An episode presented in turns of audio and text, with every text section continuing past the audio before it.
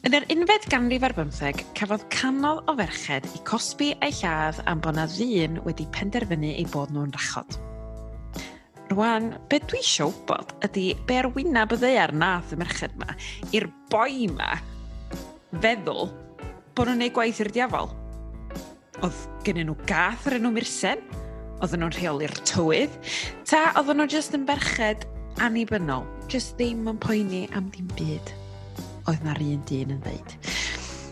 Croeso i bodlediad gwrachod heddiw efo fi, Mari Helen, lle fydda i yn trafod efo rhai o'r genod mwyaf diflewyn ar dafod yng Nghymru. A chi eisiau canfod os ta nhw ydy'r gwrachod modern yn ein plith ni. Dwi mor excited i rannu penod yma o Gwrachod Heddiw hefo chi heddiw. Achos heddiw, sori bod fi'n dweud heddiw gymaint, ond heddiw, dwi yn cael sgwrsio hefo Bethan Gwanas. um, Bethan Gwanas, wrth gwrs, ydy awdures gwrach y gwyllt, merch y gwyllt, amdani, lliw fy ffrind, ceri grafu, Um, oh, a mae'n cael sgwrs really cool o fi amdan, am, am fadarch, am cyngariadon, am dyn ni chwerthu'n lot. Felly mae hynna wastad yn arwydd da. Felly dwi'n gobeithio rwy'ch chi wynhau y sgwrs yma gymaint ag e- nes i wynhau. Mae Bethan yn anhygoel.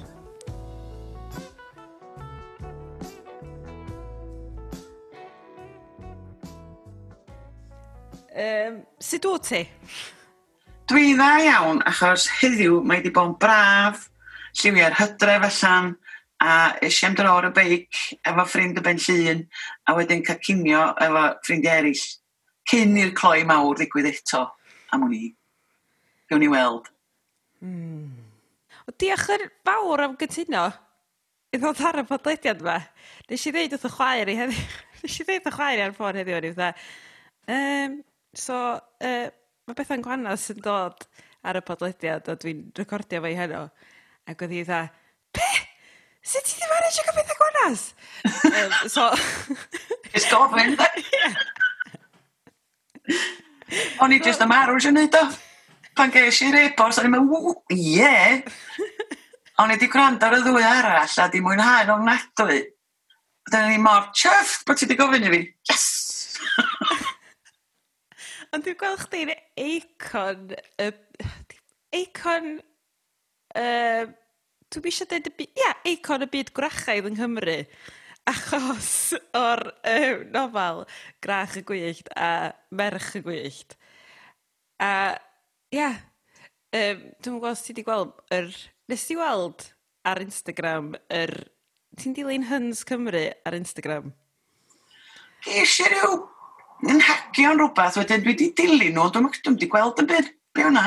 Ond na fatha llun yna chdi yn gafel ar, dwi'n cofio pa lyfr, fatha fi medi 30, fatha hefo llyfr yn eich o ddel, a wedyn fi hydref y cynta, a chdi pan oedd chdi gwisgo'r het gwrach yn lansiad merch y gwyllt.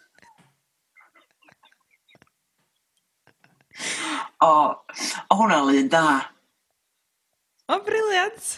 reit, rhaid mi, rhaid mi chwilio am hwnna, ond, ia, mae'r, o, dyla bod fi'n gwisgo'r het na rwan, dylwn. Mi'n siŵr iawn lle mae. Ie, dweud, ein byd mewn podleidiad, na chdi fyswch chi'n gallach. Na, wel. Na fi ddeu bod chdi'n gwisgo i. Ia, oce. um, so dwi'n meddwl, oedd cychwyn a mynd amdani efo'r cwestiwn cyntaf. Pa nodweddion sydd gen ti sy'n debyg i'r ei gwrach? Wel, lle eisiau ddechrau? Reit, dwi'n ferch, dwi'n ddi briod, dwi'n ddi blant, dwi'n byw ben yn hun mewn tŷ sy'n edrych fatha tŷ grach. Bosib mae dyna pam nes i ddewis brynu fo. Mae gen i ddiddordeb mewn madarch. Um, dwi wedi cael rhyw o fi'na heb rodi, a dwi'n amlwg yn licio rhyw achos dwi wedi sgwennu amdano fo. Ti eisiau fi gario ymlaen? Ti'n sy'n ni'n eog y heina i gyd pedair cam mlynedd yn ôl, wel, so ni yn yr afon na bwysyn dros y maen. Gadewch chi ni fod yn onest. Um, ie, un peth... Beth be ti'n meddwl bod gen ti ddiddordeb mewn madarch? Wel, um, ti'n gwybod Cynan Jones madarch? Ynddo, o'n i'n gweithio hefo i ferch o. O, na fo, byd ma fach. Wel, Um, gath o i'r sbrydoli i ymddiddori mewn madach ar ôl bod yr gwrs yn Lartyn y Bwlch, um, Tan y Bwlch, mae'n twrog. A i si ar yr union gwrs rhyw flwyddyn ar ei ôl o, achos gan y jyst ddiddordeb mewn madarch. Enw'r cwrs di Foraging for Fungi. a mae'r math o bobl sy'n ymddiddori mewn madarch. Sbi ar cynnan, mae'n edrych oedd dewin dydi? efo'r farf ma. A wedyn yna lot o pobl ar y cwrs ma oedd efo rhyw farfa hir a dreadlocks a rhyw. pobl reit eccentric. A bosib mod na rhyw elfen eccentric yn y fina. A waw, mae hanes madarch da. So, y rhai ti'n gallu bita, ia, ond y rhai sy'n gallu bod yn beryglus hefyd. Gwto, oedden nhw'n cyhyddo grachod ystalwm, mae'n wenwyno pobl dylen a dwi'n cofio pan nes i weld yn, yn Gymraeg dwi'n efo alw fo'n angel angau. a os dwi'n cofio'n iawn, dylai bod fi wedi checio hyn cyn hyn. Dwi'n meddwl na Avenging Angel neu the... Beth bynnag, mae o'n ofnadwy, ofnadwy o wynwynig, ond mae o'n hardd.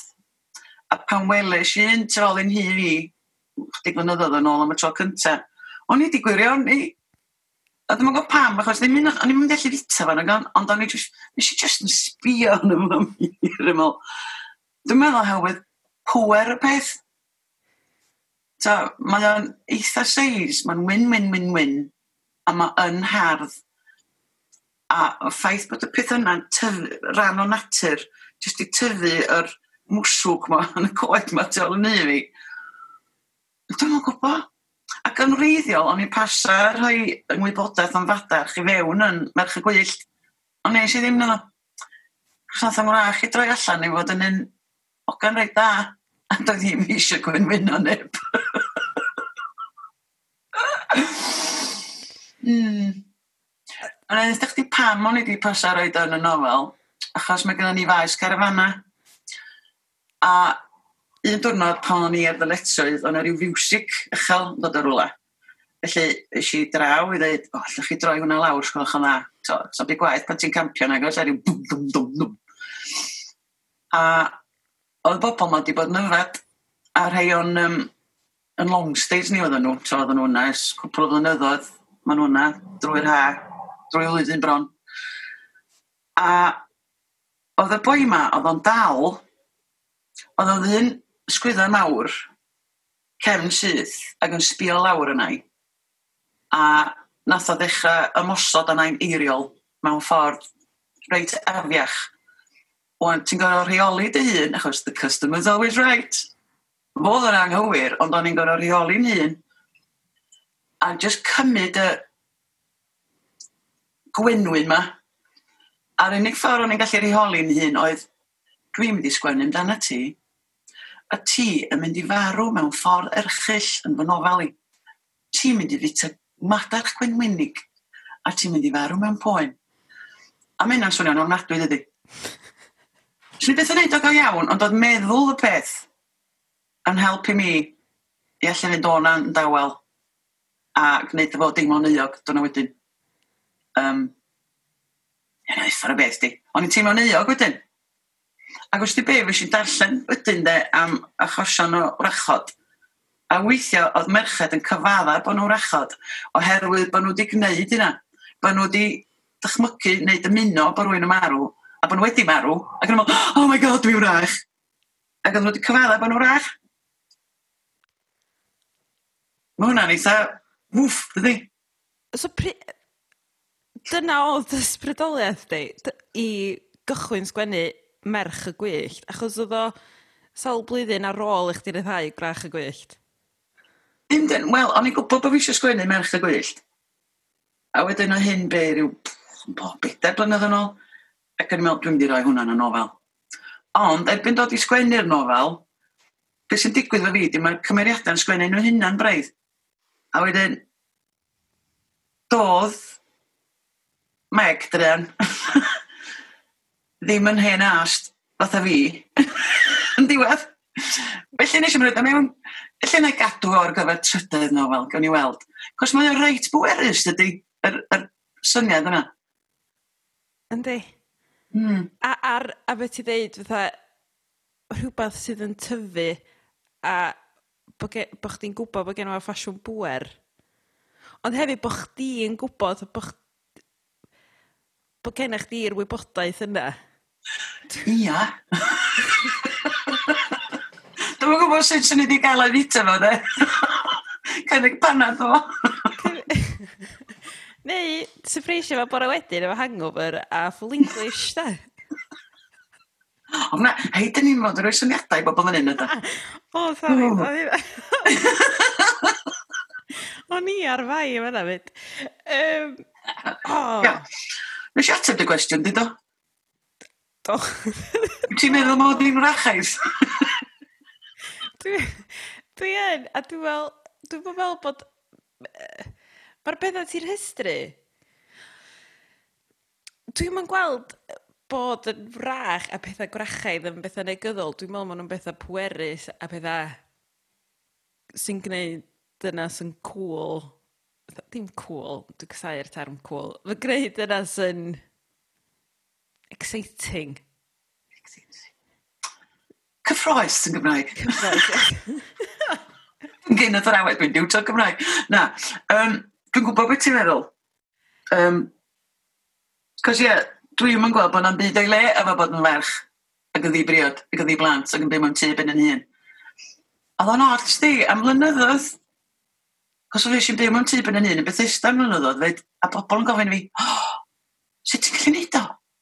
A fi'n amyn, sori be? O byw ben dy hun. Ac o'n i jyst ddim yn gweld beth y broblem. Achos ers, ers pan dwi'n ifanc, ys sgynna i mofn bethau. Ta ma'n fel sa'n rei merched yn cael ei magu, neu ydy o'n nhw, dwi'n yn gwybod. ydy o'n chdi, neu ti'n cael dy fagu fel e, i fod ag ofn. A mae hwn yn mynd â ni di'r gwrachau, dydy? Bod ti angen partner neu ddyn neu rhywbeth i edrych ar dôl di. Ys neis cael dyn edrych ar yn ôl i, ond dwi'n mynd teimlo mod i angen. A wedyn dwi rioed ydy, gael i ddim ond byw gan yn un. O gwbl, dwi'n cofio pan eisiau symud fan hyn gyntaf am bod yn dy ar ochr ffordd ben y hun. So, tas o'n i sgrechian, sa'n neb yn ynghlwad i. Gobeithio bod neb yn bod nhw'n seicos yn gwrando ar hwn. Ond dwi'n cofio, Es i a baseball bat da'n gwely, de. o, nhw ddim mynd yn, yn lle eitha. Ond, tia, mae yna ffordd o ddelu efo pethau dwys. Oes. Ma Os ti'n twll, ti'n dallan yna fo. A dwi, mae wastad yn nghythryddo fi braidd bod rai fi deimlo'n llai oherwydd mod i'n merch yn wan neu be bynnag. Achos dwi ddim yn berson gwan. A pan mae bobl yn trio uh, dyfeirniadu di am beidio bod yn wan, um, dwi, dwi ddim yn hapus. dwi erioed wedi cysidro chdi'n berson gwan. Fatha, dwi... Fatha, dwi... O'n i'n deud, tro cyntaf i, cyn i ni ddechrau recordio, tro cyntaf i gyfarfo chdi, oedd nes di ddod i'n ysgol i, i wneud araith cynodi cyrhyddiad yn ysgol ar dydwy. A mae'r gwersi nes ti ddysgu fi yn yr araith yna dal genna fi, sef gei di deithio rownd y byd a dos i deithio o mynd â'n illa yn fwy hardd na adra, sef meirionnydd. Dwi'n cymryd meirionnydd dy hynna, dwi'n um, a nes ti ddeud paid y pechu neb achos a nes ti roi enghraifft yn deud um, dyfod ti wedi trio bo' chdi 'di trio am job ag gyda ddynas oedd yn cyfweld chdi oddach chdi 'di bod efo'i chariad hi. A lle ches ti mor job yna ydi bobl ddim yn agofio pethau o dwi'n falch bod ti'n cofio na rai si. Dwi'n cofio rhoi fyd. Cos dwi'n cofio'r athro, na sofyn i fi'n gwneud i. A ni'n sbio ar yr ochr ac oedd o'r yn gwingo. Cos da ddim yn araith i athrawon na gaid. Ond athrawon e i chi ydi de. Ond mae hynna well, dydy? Hollol. Achos mae di aros yn, mae di aros yn y cod o. Wel, dwi'n falch.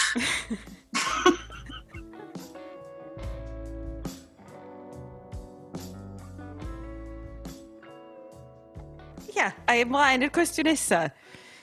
Um, sef, be di'r peth fwy agwrachaidd ti di gwneud? Reit. Fi eisiau yn athrawes am rai blynyddoedd. O'n i'n dysgu Ffrangeg mewn ddelifans. A pan o'n i'n ysgol tryfan, efo blwyddyn 973, tua di ddysgu Ffrangeg i mi. Oedden ni mewn stafell lle oedd na felux yn y to. Ac o'n i'n neud y tywydd yn nhw. Felly, um, o'n i'n dysgu nhw da, i Thebw, i Fedw Soleil, i Fedw Fon. A fel o'n i'n dweud i plö, sef mae'n bwrw glaw, nes i am ryw reswm bwyntio at y ffenest Felix. A mae'n dechrau'r yr union eiliad yna, fel o'n i'n dweud, il plö. Mae'n dechrau piso bwrw yn tarannu y felix ma. A'r plant ma, bechgyn oedd rhan fwyaf, troi i sbio na fi'n mynd, oh my god, miss, dych chi rach? Actually, dych chi witch ydyn nhw. dych chi witch, miss? A dwi'n cofio yma, wow, cyd-digwyddiad pyr wrth gwrs, ond oedd y pwer deimles i wrth bwyntio at y felix na, bod hi'n dechrau pus o bwrw, just, wow, Ys i mwynhau hynna. Yna gret. Dwi'n siŵr bod un yn nhw di anghofio'r wers yna chwaith. Di si ddim. Um, mae yna gwpl o bethau. A hefyd, ti'n gwybod, mae yna ochr negyddol i'r teimladau amrwd ma sydd fel arfer yn gysylltiedig ar rach draddodiadol. Dwi yn cofio teimlo sioc o gryfder yn heimladau pan nes i ffeindio allan bod cariad i mi'n gweld hogan arall. A dwi jyst yn cofio'r don ma'n dod fyny o fysedd yn rhaid i drwy'n hoffi i menni. A o'n eisiau lladd i. Eto hi oedd yn chael i gynnu. Mae hyn yn y natur neu dwi'n meddwl. A dwi'n cofio, nes i cysidro, neu doli allan o, to, gwyr canwyll a sticio pinna ni. Mae yna chydig bach, ti'n mynd chydig bach yn dwlaw pan ti wedi gwylltio fel la. Um, o'n eisiau gwneud un o'n fo hefyd ys gwrs, ond wedyn nes i fel amdano fo. Hi oedd y chal i gynnau gynta. A dwi yn meddwl, os da ni'n mynd nôl i hanner gwrachod, bod yna lot o ferched diniwed di cael eu cyhyddo oherwydd pethau fel e. Tyfo, mae honna dim hech fi, mae'n mynd i ddiola. Felly, gyda'r cam mlynedd yn ôl, dim cam mlynedd, os ti dweud, mi rach, a dechrau dweud storys amdani. Um, a nes i deimlo mor euog am deimlo fel la. Ww! Dwi'n dwi teimlo'n goch, dwi wedi mynd yn goch i gyd, yn cofio yna. Dwi'n, ma ti'n edrych reit anifir. Gwingo fanna. Ond dwi'n siŵr bod yna ferched eraill di teimlo hynna. Dwi'n siŵr bod yna ddynion hefyd, siwr ddiw. Dwi dwi wedi, a dwi'n meddwl ma' lot o'n ffrindiau fi wedi, a dwi'n meddwl ti'n iawn yn deud be o'r ferch wyt ti yn y sefyllfa yna. Dwi wedi gneud o, a dwi wedi... dwi wedi fynd mor fatha o gwneud 'yn hyn yn sal, efo'r teimlad- fel ti dweud, teimlad amrwd a ti'n yn gwbo be' i wneud efo nhw'n agwyd? Yn y sefyllfa yna, be nes i, ar ôl chydig, oedd mynd, reit, oce, okay, sa'n byd dwi'n gallu gwneud yn y sefyllfa yma wan. A nes i gallu fatha rhoed o'r ochr a sort of trio anghofio amdano fo. Ond mae'r dwi dal yn cofio'r teimlad na a, a fel ti'n dweud, y sioc bod chdi wedi gallu ymateb fel yna, de. Ie, yeah, ges i sioc bod fi yn gallu bod mor ffyrmig Achos dwi roed i caffeit yn y mywyd. Tellan i'r teulu. to, brodyr a chwiorydd bod un am yn cyfrin i chdi. Ond tu allan i'r teulu, dwi rhyw oed, cael caffeit o neb. Ta oedd yn ffrindiau fi a chwiorydd i yn cael ei ffeit yn ysgol dregwyddol. Yn bos oedd un i fath yn ysgol ar dydwy. Dim di mawr, ti'n bo, ond jyst yna rhyw slapio neu dynnu gwallt yn mynd mlaen. Sy'n so, arioed digwydd i fi. Felly, ches i erioed y cyfle mewn ffordd i wylltio fo rwy'n arall. fel a. O, pa ma'n i chwarae rygbi, dwi'n cofio tro cynta i rwy'n rhoi tackle mi gerfydd fy ngwallt, cos o'n i'n clymu'n gwellta nôl mewn ponytails. A nath o'n hogan ma'n gydio yn yng Nghanffon i yn hynny lawr fel a. gan i fel jadan. Nes i eri hol i'r eiffon a dacl i ddeud. Cwpl gyfreithlon, Ti'n atgoffa fi nath y chwaer yn glas, dwi'n cofio mynd i weld y chwaer yn chwarae rygbi. Ac oedd hi'n merchu. Um, ti'n yn ysgol ar dydwyr rwan, ond mae'n digwydd. Mi welodd llunos y ferch ma, o'r ysyn sy'n perthyn i ni, mae'n gwybod pwy dig, sy'n gwrando. Roedd hi dacl go galed i fynyth i, nomi. A llunos i mam i'n gweld hyn, wel, sôn am Nath i just troi fatha Incredible Hulk. Tîm yn twrtio o'n ogan bach i, wel, mi roedd i dacl i ddyn yn ysgwyd.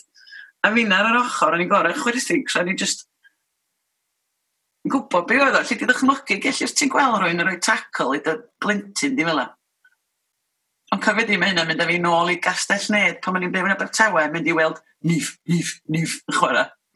Oedd i reit frawychus fanna, cos oedd gen ti'r mama a efo'i amber els a'r neinia ar yr ochr. A dwi'n cofio rhyw ddynas, mae rai bod i fam i'r hogyn ma. Pan oedd rwy'n dacl i hwnnw, wal, oedd nhw'n gorfod tynnu i fwrw cael bron. Cla ddim mynd i ladd y boi wedi taclu mab i.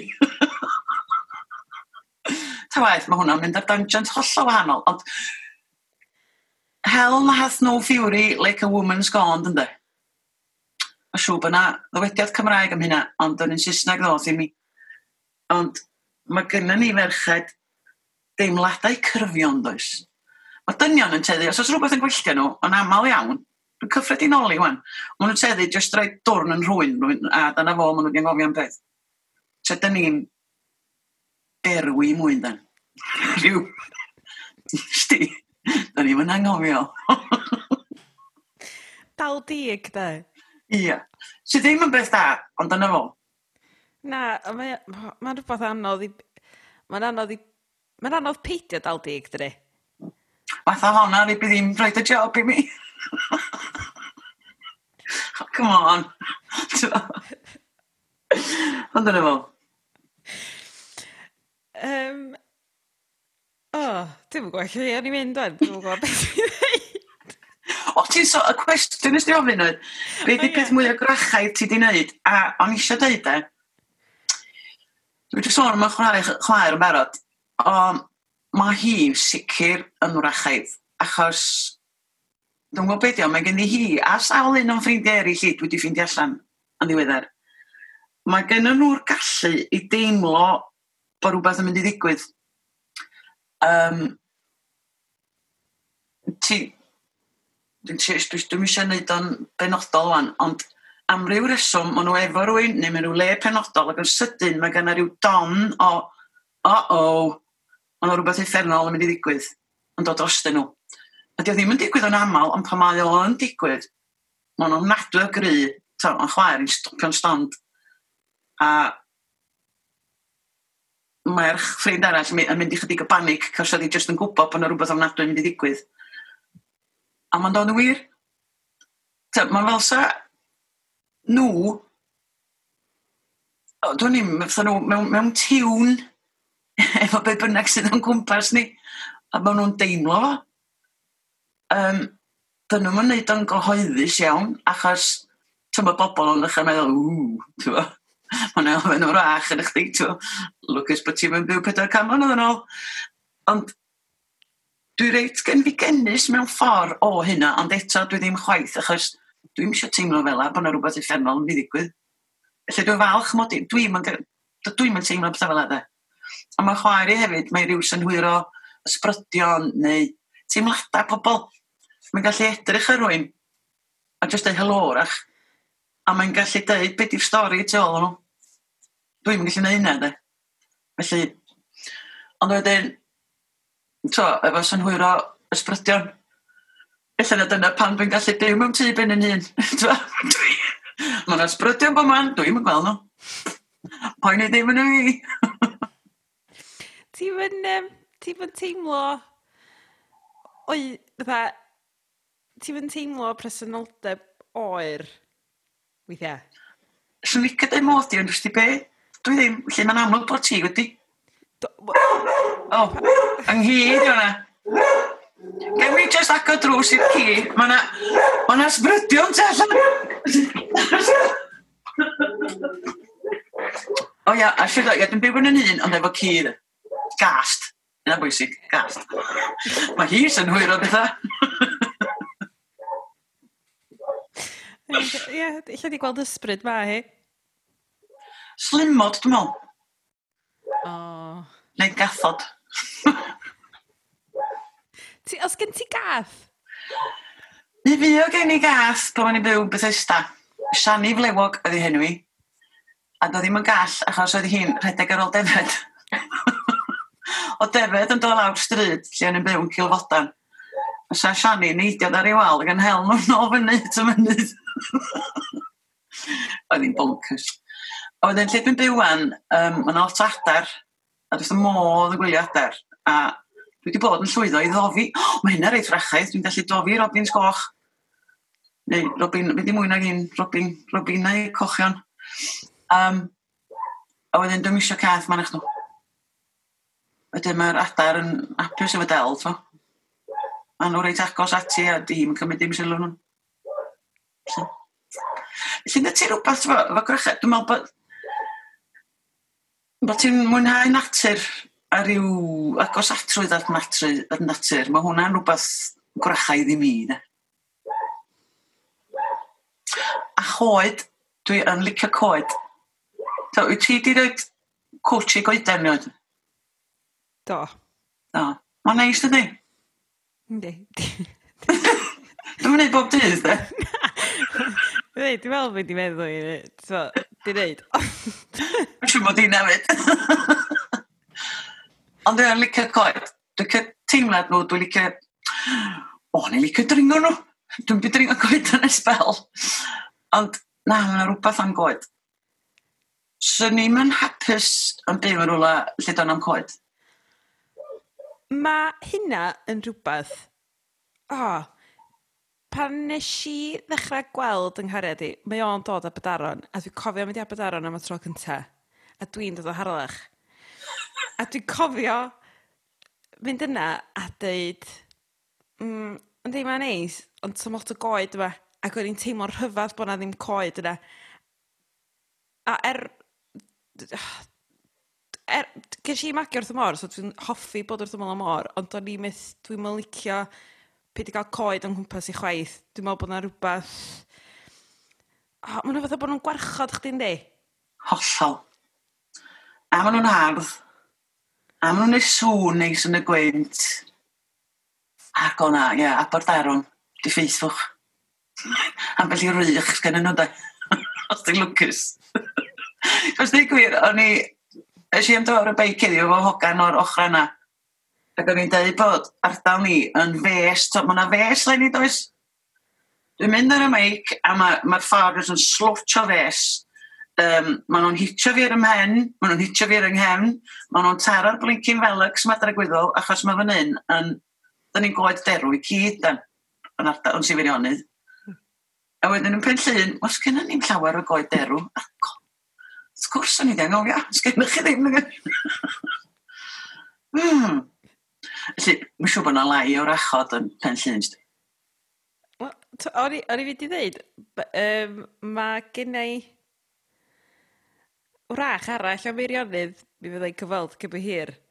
So, ella bod o rhywbeth merched meirionydd, bod ni yn fwy gwrachaidd, ella bod na fwy o rachad, wrachod yn yr ardal, dwi'n mwyn gwa. O, dwi'n meddwl bod coedwigoedd yn help, de. Os ti wedi bod yn chwarae yn y coed, yn y gwreiddiau ac yn gwneud dens mewn coed, felly. Wbeth yn neud o, ysdi. Di, di môr yn cweit sy'n fath, chdi. Na. Morforwnion a felly deini.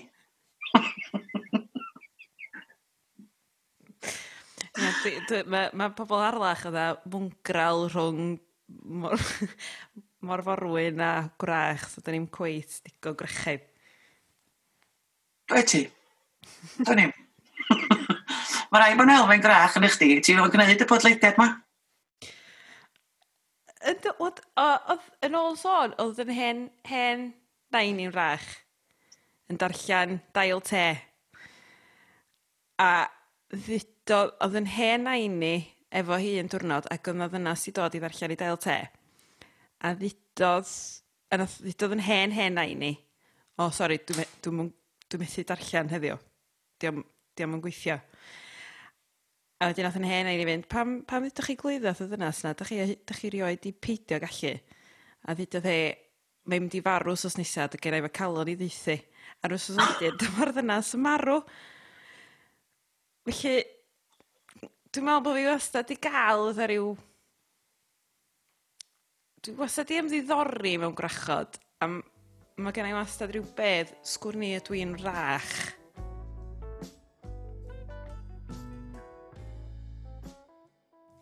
Um, os na gyfnod neu digwyddiad penodol yn dy fywyd lle mi fysa ti hefo'r pwera sydd gennych chdi wwan, sa ti'n gwneud rhywbeth yn wahanol neu'n deud rhywbeth wrthych chdi dy hun? So, pan ti'n deud y pwera sydd gen i wwan, hynny yw, rwan bod fi'n hun ac yn gallach ac yn fwy hyderus, ti'n meddwl? Ia, yeah, a fydda, beth ti di ddysgu, ia, yeah, beth ti di ddysgu yeah. amdano chdi dy hun, fath o beth? Gen i gwpl Um, o gen i swydd, rei, hynny fod yn ofalus fan hyn, o gen i swydd ar un adeg, lle gen i fos, o braidd yn rhy touchy-feely ddod ni. Um, so mynd ar yn ôl, o'n i gwpwr o'r math ag yn twangio mrai neu beth, yn y cefn neu beth, a ti'n meddwl, di hynna'n ma'n iawn, ond o'n i'n ifanc, o'n i'n mynd i cadei'n byd, Felly ti jyst yn bod yn dawel ac yn jyst yn trio a mynd o'na heb ddeun byd. rwan dde sy'n ni roi o'n i le. Ond pan ti'n ifanc a dyn mewn awdurdod yn gwneud hynna, mae'n andros o job. A mae hynna'n mynd eich di'r busnes me too, dydy. Um, di niwad o beth i hynna i gymharu beth i gwyddoedd i lot, ond na i ddim anghofio hynna, dde Um, dwi'n meddwl bod y byd wedi golygu byd o fo. Um, ond jyst dyna byd oedd i arfer efo i. Ac yna lot o ddynion wedi arfer efo hynna, a lot o ferched rannu. No, diw, mis i'n effers am beth, ond doedd hynna ddim yn iawn. T'o? Ond hefyd pethau, t'o dy fywyd pethau sliding doors, ta swn i wedi gwneud y penderfyniad yna, lle fyswn i wan. Mae yna un peth penodol dwi wedi faru bod fi wedi gwneud pan eisiau coleg, ti'n gorfod dewis, ti dal dwa, ti dewis tri pwnc i ddechrau am y flwyddyn gyntaf. O Ffrangeg o'n i eisiau gwneud, newid Ffrangeg, a wedyn y ddau bwnc arall nes i, o'n i eisiau neud Sbeineg, Ffrangeg, Sbeineg a drama, achos o'n i wedi mwynhau gwneud yr maer ysgol. Ond oedd Sbeineg a drama yn clasio, felly o'n i'n cael neud un o'n nhw. Lle nes i benderfynu'r drama a gwneud Almaeneg yn lle. Um, a dwi'n difaru hyd heddiw achos doedd yr adra, lle dillai ddau hyn? Ro'n i'n mynd siwtio'r adran ar y pryd, ro'n i'n meddwl A dwi'n cicio'n hyn am os o'n i wedi gwneud Sbeineg, achos fel oedolyn dwi wedi bod yn trio dysgu Sbeineg o'n gwersi nos a felly, a dy jyst dim ni fath. Pan ti'n ifanc fel la, ti jyst fatha sbwng, a swn i wedi gallu treulio chwe mis yn rwlan Sbaen neu di America na bath A swn i wedi mwynhau hynna mor ofnadwy. A gwneud ffang ag ysbuneg yn lle de. Achos nes i ollon drama yn diwedd. Um, a o'n uneg. Cos mae'n uneg yn iawn, ond ia, fatha sbuneg. yn rhywbeth am sbuneg. A dwi wir yn difaru. Achos, os wbod lle sy'n ni di... Lle sy'n hynna di'n arwain i, ti'n ba? Wrach, sy'n ni siarad bych di rwan o Batagonia. Pwy ddewr? Ond mae hwnna'n un peth mawr dwi'n ddifaru. A hefyd, mynd nôl i ddyddiau coleg. A mae hwn, dwi'n meddwl, yn ffitio mewn efo'r araith na rwy'n ar dydwy. Um, yn ystod mm. gwylio ar ha, o, oh, dwi'n cael nhw'n negas yn ola. O, oh, creu ni efo'n beicio ddim. Um, yn ystod gwyliau pan o'n i'n fyfyrwraig, dwi'n difaru'n unaid na fysa ni wedi mynd dramor a neud y bydd, bydd yn alw trans, trans dwi eisiau dweud trans alpino na ki, trans, ond na rhywbeth lle ti'n mynd ar dren ac yn mynd rownd trans O.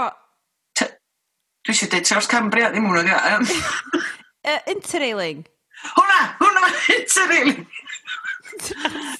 Cys, dwi wedi cwerfo gymaint o bobl wedyn, oedd yn intereliad, cael amser ffantastig, a profiadau gwych. A nes i benderfynu aros adra yn gweithio yn chemist, er mwyn bod efo nghariad. Ah. A ti'n bo, rwan dwi'n gwybod, nah. Ond o, dyna beth pawb arall yn neud, ti'n bo, ond yn ffrindiau fi adre, oedd nhw'n mynd cariadon, dyna beth ti fod i wneud. Ti'n fod i, rhoi nhw gyntaf, Dwi'n difarus swn i'n rhaid hun gynta a di mynd off ar y tren na. dwi wedi teithio lot, ond swn i wedi gallu teithio mwy. Um, dyna'r prif bethau dwi'n meddwl. Sut o'n i'n meddwl i, pan ti'n gofyn i cwestiwn yna? Dwi'n meddwl, eich bod fi'n gofyn hyn ar lefel personol. Ond mi nes di wneud y penderfyniad, mi oedd gen y ti swydd yn y efo'r cyngor. Oedd? Bydda person... O, yn yr wyddor llynyddiaeth yn Wynedd. Oedd. A nes di'r penderfyniad i fynd, na, dwi eisiau sgwennu llawn amser. Sut ges di'r gut, bydda...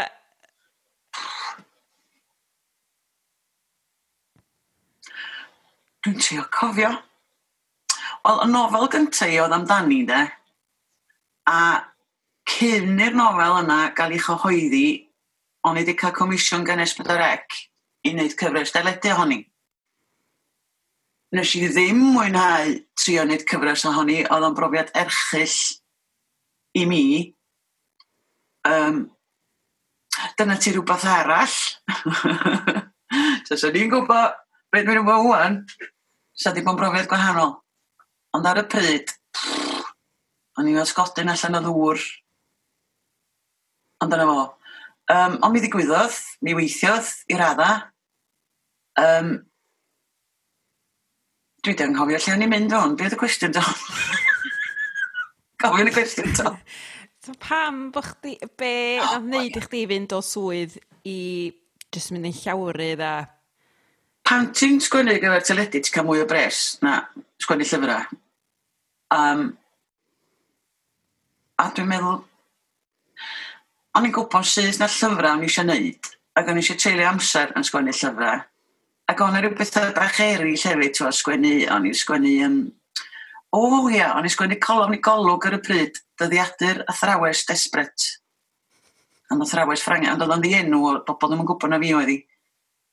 Ac o'n nhw'n talw reit da, talu nôl lew. A o'n i'n cael lot o bleser allan ar sgwennu. Gyn i'n meddwl, mynd trio, just trio i dde, mynd amdani, achos allai wastad mynd nôl i ddysgu, o'n i'n meddwl. um, lle, ie, yeah, just rhoi cynnig ar ni. Ond o'n i'n hyrwyddo'n rhan amser, dwi'n meddwl. Dyna be oedd o. Na ni, o gennau job saff efo'r cyngor am gyfnod tra o'n i'n sgwennu, a wedyn ia, i roi honna fyny, dwi'n yn cofio, mae rhaid na... O, oh, nes i ddechrau ar y lein neu rhywbeth o felly. O, oh, o'n i'n dechrau bod yn gyflwynydd er mod i'n hun. O'n i'n ymhedro dega pan ar i ddechrau wneud ar y lein. Um, a dwi'n cofio, mewn, waw. Ta fel arfer, yw, mae cyflwynwyr yn rhywbeth bach tena, glamorous, ifanc. A dyma fi, a beth o deg rhywbeth. Ond um, o'n i'n siarad ieithoedd, do a bo, mwynhau teithio. Cael yn hawl i teithio, yei! Um, Felly, adeg yna oedd o, wedyn o'n i'n meddwl, diaw, ia, a ni'n mynd busnes cyflwyno yma. Ond fes i roed yn i'w hapus iawn, mae hwnnw ffaith, achos sgwennu o'n eisiau gwneud. Um, a to'n Saesneg, dwi'n meddwl swn i'n neud un oce okay yn y byd Saesneg tas o'n i'n cyfieithu mwy. Achos dwi'n fwy, um, beth yw'r gair? Os so, ti beth yn ysgrifio i fel um, y llenwr, fi ydi beth yn gwanas yr awdures boblogaidd. Mae yna rhywch chi bach o sbiel o trwy'n yna, mewn rhai mannau. Ond dy bwys gynnau, achos dwi'n sgwennu ar gyfer hynny. Dwi'n sgwennu ar gyfer mhobl i, ydyn ni, ie. Um, Achos dwi'n wrth y modd yn darllen, a dwi eisiau bobl eraill fwynhau darllen, a dwi eisiau nhw fwynhau darllen llyfrau Cymraeg. Felly, dyna lle mae llyfrau fi'n ffitio, de. A digwydd bod, drwy sgwennu am rach, nath, nath gwrach y gwyllt newid pethau. Gyda lle mi na, ath Esbydre gofyn i mi wneud um, ffilm ono fo, spel yn ôl. Ond um, oedd y gyllideb yn fychan iawn. Ac o'n i'n meddwl, os na ti'n neud yn iawn, sy'n pwynt nag oes? Na. Cyn gofyn, be, be fydd y sgwarnogod? Finger puppets, to glove puppets? Um, no. Um, felly, ne. Felly, dwi'n dyfaru? Na, dwi ddim. Ond, mae'n potensial iddi fod rhywbryd oes? Be... um, Oh my gosh, sut dwi'n diofyn hyn rwan? Uh-oh. dwi'n cael rhyw deimlad oer. Uh-oh, mae'n mynd i ofyn rhywbeth anifir. uh, mynd yn ôl at be o'ch di ddeud am um, bod chdi'n teimlo mae pobl yn sbio o'r i trwynar y ffaith bod chdi'n awdur poblogaidd. Dwi'n teimlo fatha bod chdi wedi dod a lot o gymeriadau benywaidd cry... 'Di hynna'n gwneud sens? Di mae o. Fatha bo' chdi 'di sgwennu am gymeriadau benywaidd a ddim mewn ffordd fatha gwneud pwynt o'r peth. Just stories merched. Di hynna... O! Diolch, ma' hwnna ryddhad. Achos dwi'n gwybod lot o bobl yn meddwl mod i'n gwneud pwynt o'r peth. Ond mae jyst yn dod yn naturiol. Dwi'n licio... Dwi'n darllen bob math o lyfrau am bob math o bobl, ond dwi yn cael mwynhad o ddarllen am farchaid sy'n gymeriadau cry. Felly mae Sainz yn dweud bod fi eisiau sgwennu amdanyn nhw hefyd. Nid, just dyna sy'n dod allan. Oh, ac ar y pwynt yna, de, pan o'n i sgwennu grach y gwyllt, do'n i ddim wedi gwneud cynllun, cynllun manwl o gwbl. O gen rhyw fath o syniad sy'n gymeriad oedd Siwsi, ond wir i chdi, mi nath i sgwennu hun. O hwnna'n rachaid. Tra o'n i sgwennu, grach y gwyllt, nath gymer, gymeriad Siwsi gymryd drosodd y sgwennu. A dyna nesgus i dros y pethau ofnadwy sydd ynddo fo. Ond oedd o wir, sti. O'n i sgwennu pethau gen i'n mynd, wow, lle ddodd hwnna?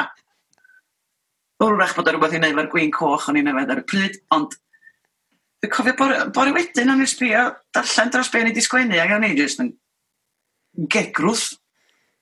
Methu coelio bod fi wedi sgwennu ffasiwn beth. Ond, um, ond o'n i'n mwynhau o, ac oedd o'n ei fi chwerthin, neu, dy bynnag. Gen i'n ia, cari ymlaen, mae'n gweithio, mae'n gweithio i mi. A dwi'n meddwl, sti, na grach y gwyllt ydy'r nofel mwy allwyddiannus dwi wedi sgwennu o ran um, gwerthiant, ne? O, dim... O, o'n i'n meddwl ta amdani neu hi oedd y ffrwyd. weithio weithiodd honna dda, do, ond dwi'n meddwl bod grach y gwyllt ydy... A mae'n os grach y gwyllt i aros y meddyliau bobl mwy. Mae fath o marmait, ti'n mynd o rei bobl yn cysau, llyfrau fel la. Ond mae'r rhai sydd wedi mwynhau o, wedi mwynhau go iawn, de. A ti'n methu plesio pawb. Ond hefyd, ti'n angen plesio pawb rhaid gwyth? Wagos, stwffio. Ti angen bod yn driw i chdi dy hun a... Dwi'n fel, os o ti... Dyna'r un peth... O, oh, dyna'r un peth am... am rachod, dwi'n teimlo. Um, dydy o ddim amdan plesio neb arall na dim, amdan plesio chdi dy hun, a mae hynna'n rhywbeth pwysig, dwi'n meddwl. Yn bendant, ie, achos oedd merched yn cael eu cyhyddo fod o'r achod, os oedden nhw'n ffitio fewn i'r ddelwedd o'r wraig dda neu'r fam dda, os oedd ti'n cicio neu byn y tresu mewn rhyw ffordd yn cega gormod yn ddim yn bod yn ufudd neu'n dawel na beth. Um, felly ydy, ti'n iawn. Be bynnag oedd y bwynt di.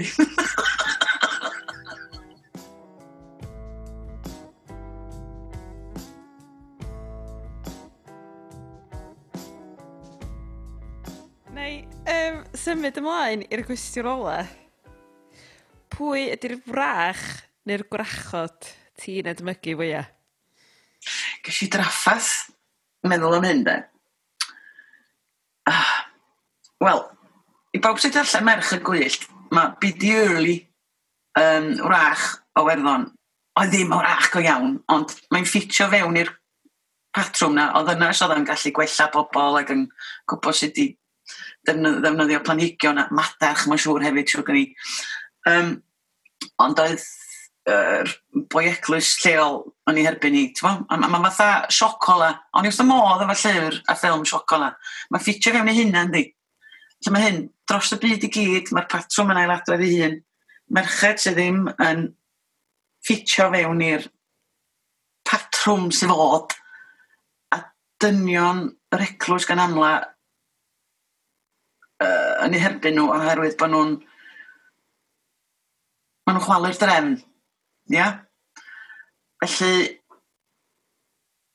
efo hynny fyd, buddig, um, dwi'n gwybod sy'n ei wrach ond mewn oes lle dynion oedd y bos, oedd hi yn hell hath no fury like a woman, achos oedd yr yfeiniad ydy lladd i gwri ydy treisiau merched i o'i blaen ni ar y gofn.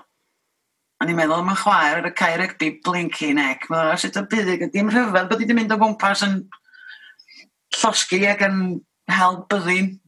Go byddig gyda i. A hefyd, de, Elisabeth y cynta. Rwan, darllen llyfr, nofel amdani nes i ddiweddar. Ac o'n i'n mynd i meddwl am Elizabeth y cyntach ato. Brenhinas Lloegr, ond argodd hi'n andros o ddynas. A pam bod hi di mynnu aros yn sengl? Achos, tasa hi di brodi, sa di colli ffwer bysa. So bobl yn troi at y dyn y sydd bysa. Felly drwy aros yn sengl, hi oedd y bos. A dwi'n meddwl, falle, dwi'n yn cofio ar y pryd o ti'n gorau dangos bod ti reit benderfynol a gallu gwneud pethau reit gas. Ond sbi ar y sefyllfa Covid, pwy sy'n gwneud smonach o'n i? A pwy sydd ddim? Ta, ar wres o Zala Newydd, a dwi ddim yn gofio beth i henwi wy, wan, atgoffa fi. Just yn deud hyr. Yes, just yn deud hyr. Hwna. Yeah. Mae hi'n o mae hi rach. mae hi number one grach. Ynddi. Neu grach i un hyd yn oed. A Merkel hefyd. Ta mae'n rach twin, twin set, a grach ti'n mynd i'r archnachnad leol, ond mae'n gwybod be mae isio, a mae'n benderfynol a ddim yn gadael i bobl i bwrio i. Felly, go, Angela. A hefyd, marged ferch ifan Yn mor ti wedi gwybod i hanes hi, oedd hi'n byw yn ochr llyn padarn salwm yn Llanberis fanna. Ac o ti wedi clywed amdani, Kate? Na, gon. Rai, mae yna lyfr arbennig, dwi'n meddwl, o ti'n licio. Merched Gwyllt Cymru, gan Beryl Hughes Griffiths. Wedi olygu gen i. a mae'n rhestru uh, 4 ar 15 o ferched. Rha fwy yn unigol iawn um, yn hanes Cymru sydd wedi dangos i bod nhw'n gry neu'n wyllt mewn rhyw ffordd. To, rhyw, rhyw dwtio o rach ydyn ni, dim bob tro. Swn i'n galw Megan Lloyd George o rach, ond oedd hi'n ddynas gred oedd benderfynol ar y bryd. A mae Marged Ferch Ifan yn cael sylw arbennig gen beryl yn hwnna. Aragol oedd hi'n ddynas. Oedd hi'n reslo dynion ifanc yn ei 70au ac yn curo nhw os oedd, oedd hi'n rhywyddo bobl a draws Llyn Padan, A pan nath na rhyw foi drio edwn ni twangio i brash therapi. Tho fewn i dŵr ti. Gwydda nhw'n cael dod o mewn i cwch nes oedd oedd hi'n sori, sori, sori, neu bwys ma'n waith Ac oedd hi'n, oedd hi'n neud telynna, dwa. Oedd hi'n gallu neud pob peth, oedd hi'n andros o ddynas. Ac yn edrych tafan, mae just yn, o, oh, ar wras. A hefyd, de, dwi'n gwybod nad oedd hi'n berson go iawn, ond Blodeuwedd de? Um, ia. Oedd hi, siai, t'bo, tasai berson go iawn sydd wedi cael ei llosgi fysa, cyn iddi cael ei throi'n dy. Ond hefyd, wrth gwrs, Susie Dol y Clochydd. Hi nath ysbrydoli gwrach y gwyllt. Da ni'n gwybod llawer amdani, achos hi yn un o hen ddynas oedd hi oedd yn cael y bai am bod y menyn ddim yn corddi neu, neu, neu bod y gwarthag o sal na beth. A bod bobl pentrefi llanelltid y ganllwyd i'r penderfynu mynd ar ei holi. A bod hi wedi saethu fyny ochr y mynydd a lle mae'r llwybr llyn cynnwch o'n A di troi'n ewig sef carw benywaidd. A di llannu dros y cynant yma A dianc. Felly dyna ysbrydolodd syniad grach gwyll. Ond, a dwi'n mwyn gwybod faint o wirionedd sy'n y stori, ond mae'r tŷ dal na. Pan ti'n mynd oedd o gella am ganllwyd, mae'r tŷ lawr wrth o'r afon ar y dde. Mae yna dyn newydd ochr drawn am wan, a mi weli di adfeilion yn agos at yr afon. A dwi'n cael, dwi'n cael teimlad oer, dwi'n cael teimlad cynnes bod tro dwi'n pasio fanna.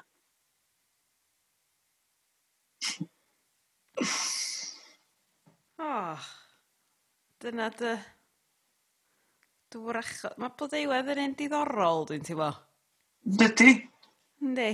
Dwi rioed 'di feddwl am Blodeuwedd fatha gwrach ond mi oedd 'i dweud, achos nath 'i ddilyn 'i gref a nath 'i wneud beth hi eisiau gwneud, do? Gas i sentio a dyna ti be' oedd lot o wrachod y gorffennol yn cael ei hambygio am wneud um, er stori efa ar sarf ynddo. A fer sy'n cael y bai yn bob dim oherwydd bod ni'n dilyn yn nwyda. A da ni'n fod i. A dyna nath blodeiwedd. A tos o'n i'n blodeiwedd, swn i wedi gwneud union efo ath mae'n siŵr. A di rhoi y madarch gwenwynig na i mwrddin. Gwydion, gwydion, stori anghywir.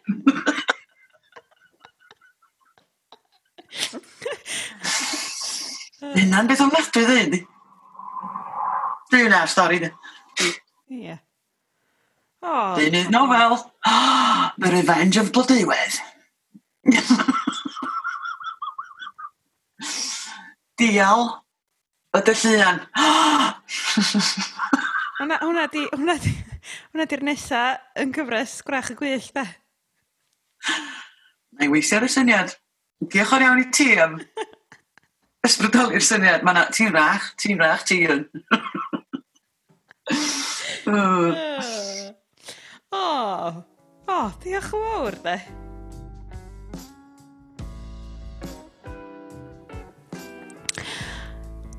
Diolch Bethan am sgwrs. Oh, am just sgwrs rili really da, de. Dyna ti angen weithiau. Just sgwrs dda. Yn dwy ddynas. Malu awyr am bethau gwrachaidd. Diolch i chi am rando. Cofiwch, cysylltwch efo fi ar y social medias, Instagram, Twitter, uh, Facebook, beth yn mynd ar Facebook, ond os, chwa, os da chi isio, textiwch. Hei, pam ddim. Um, felly, ia, gobeithio gowch chi bythefnos bach hyfryd. Bye!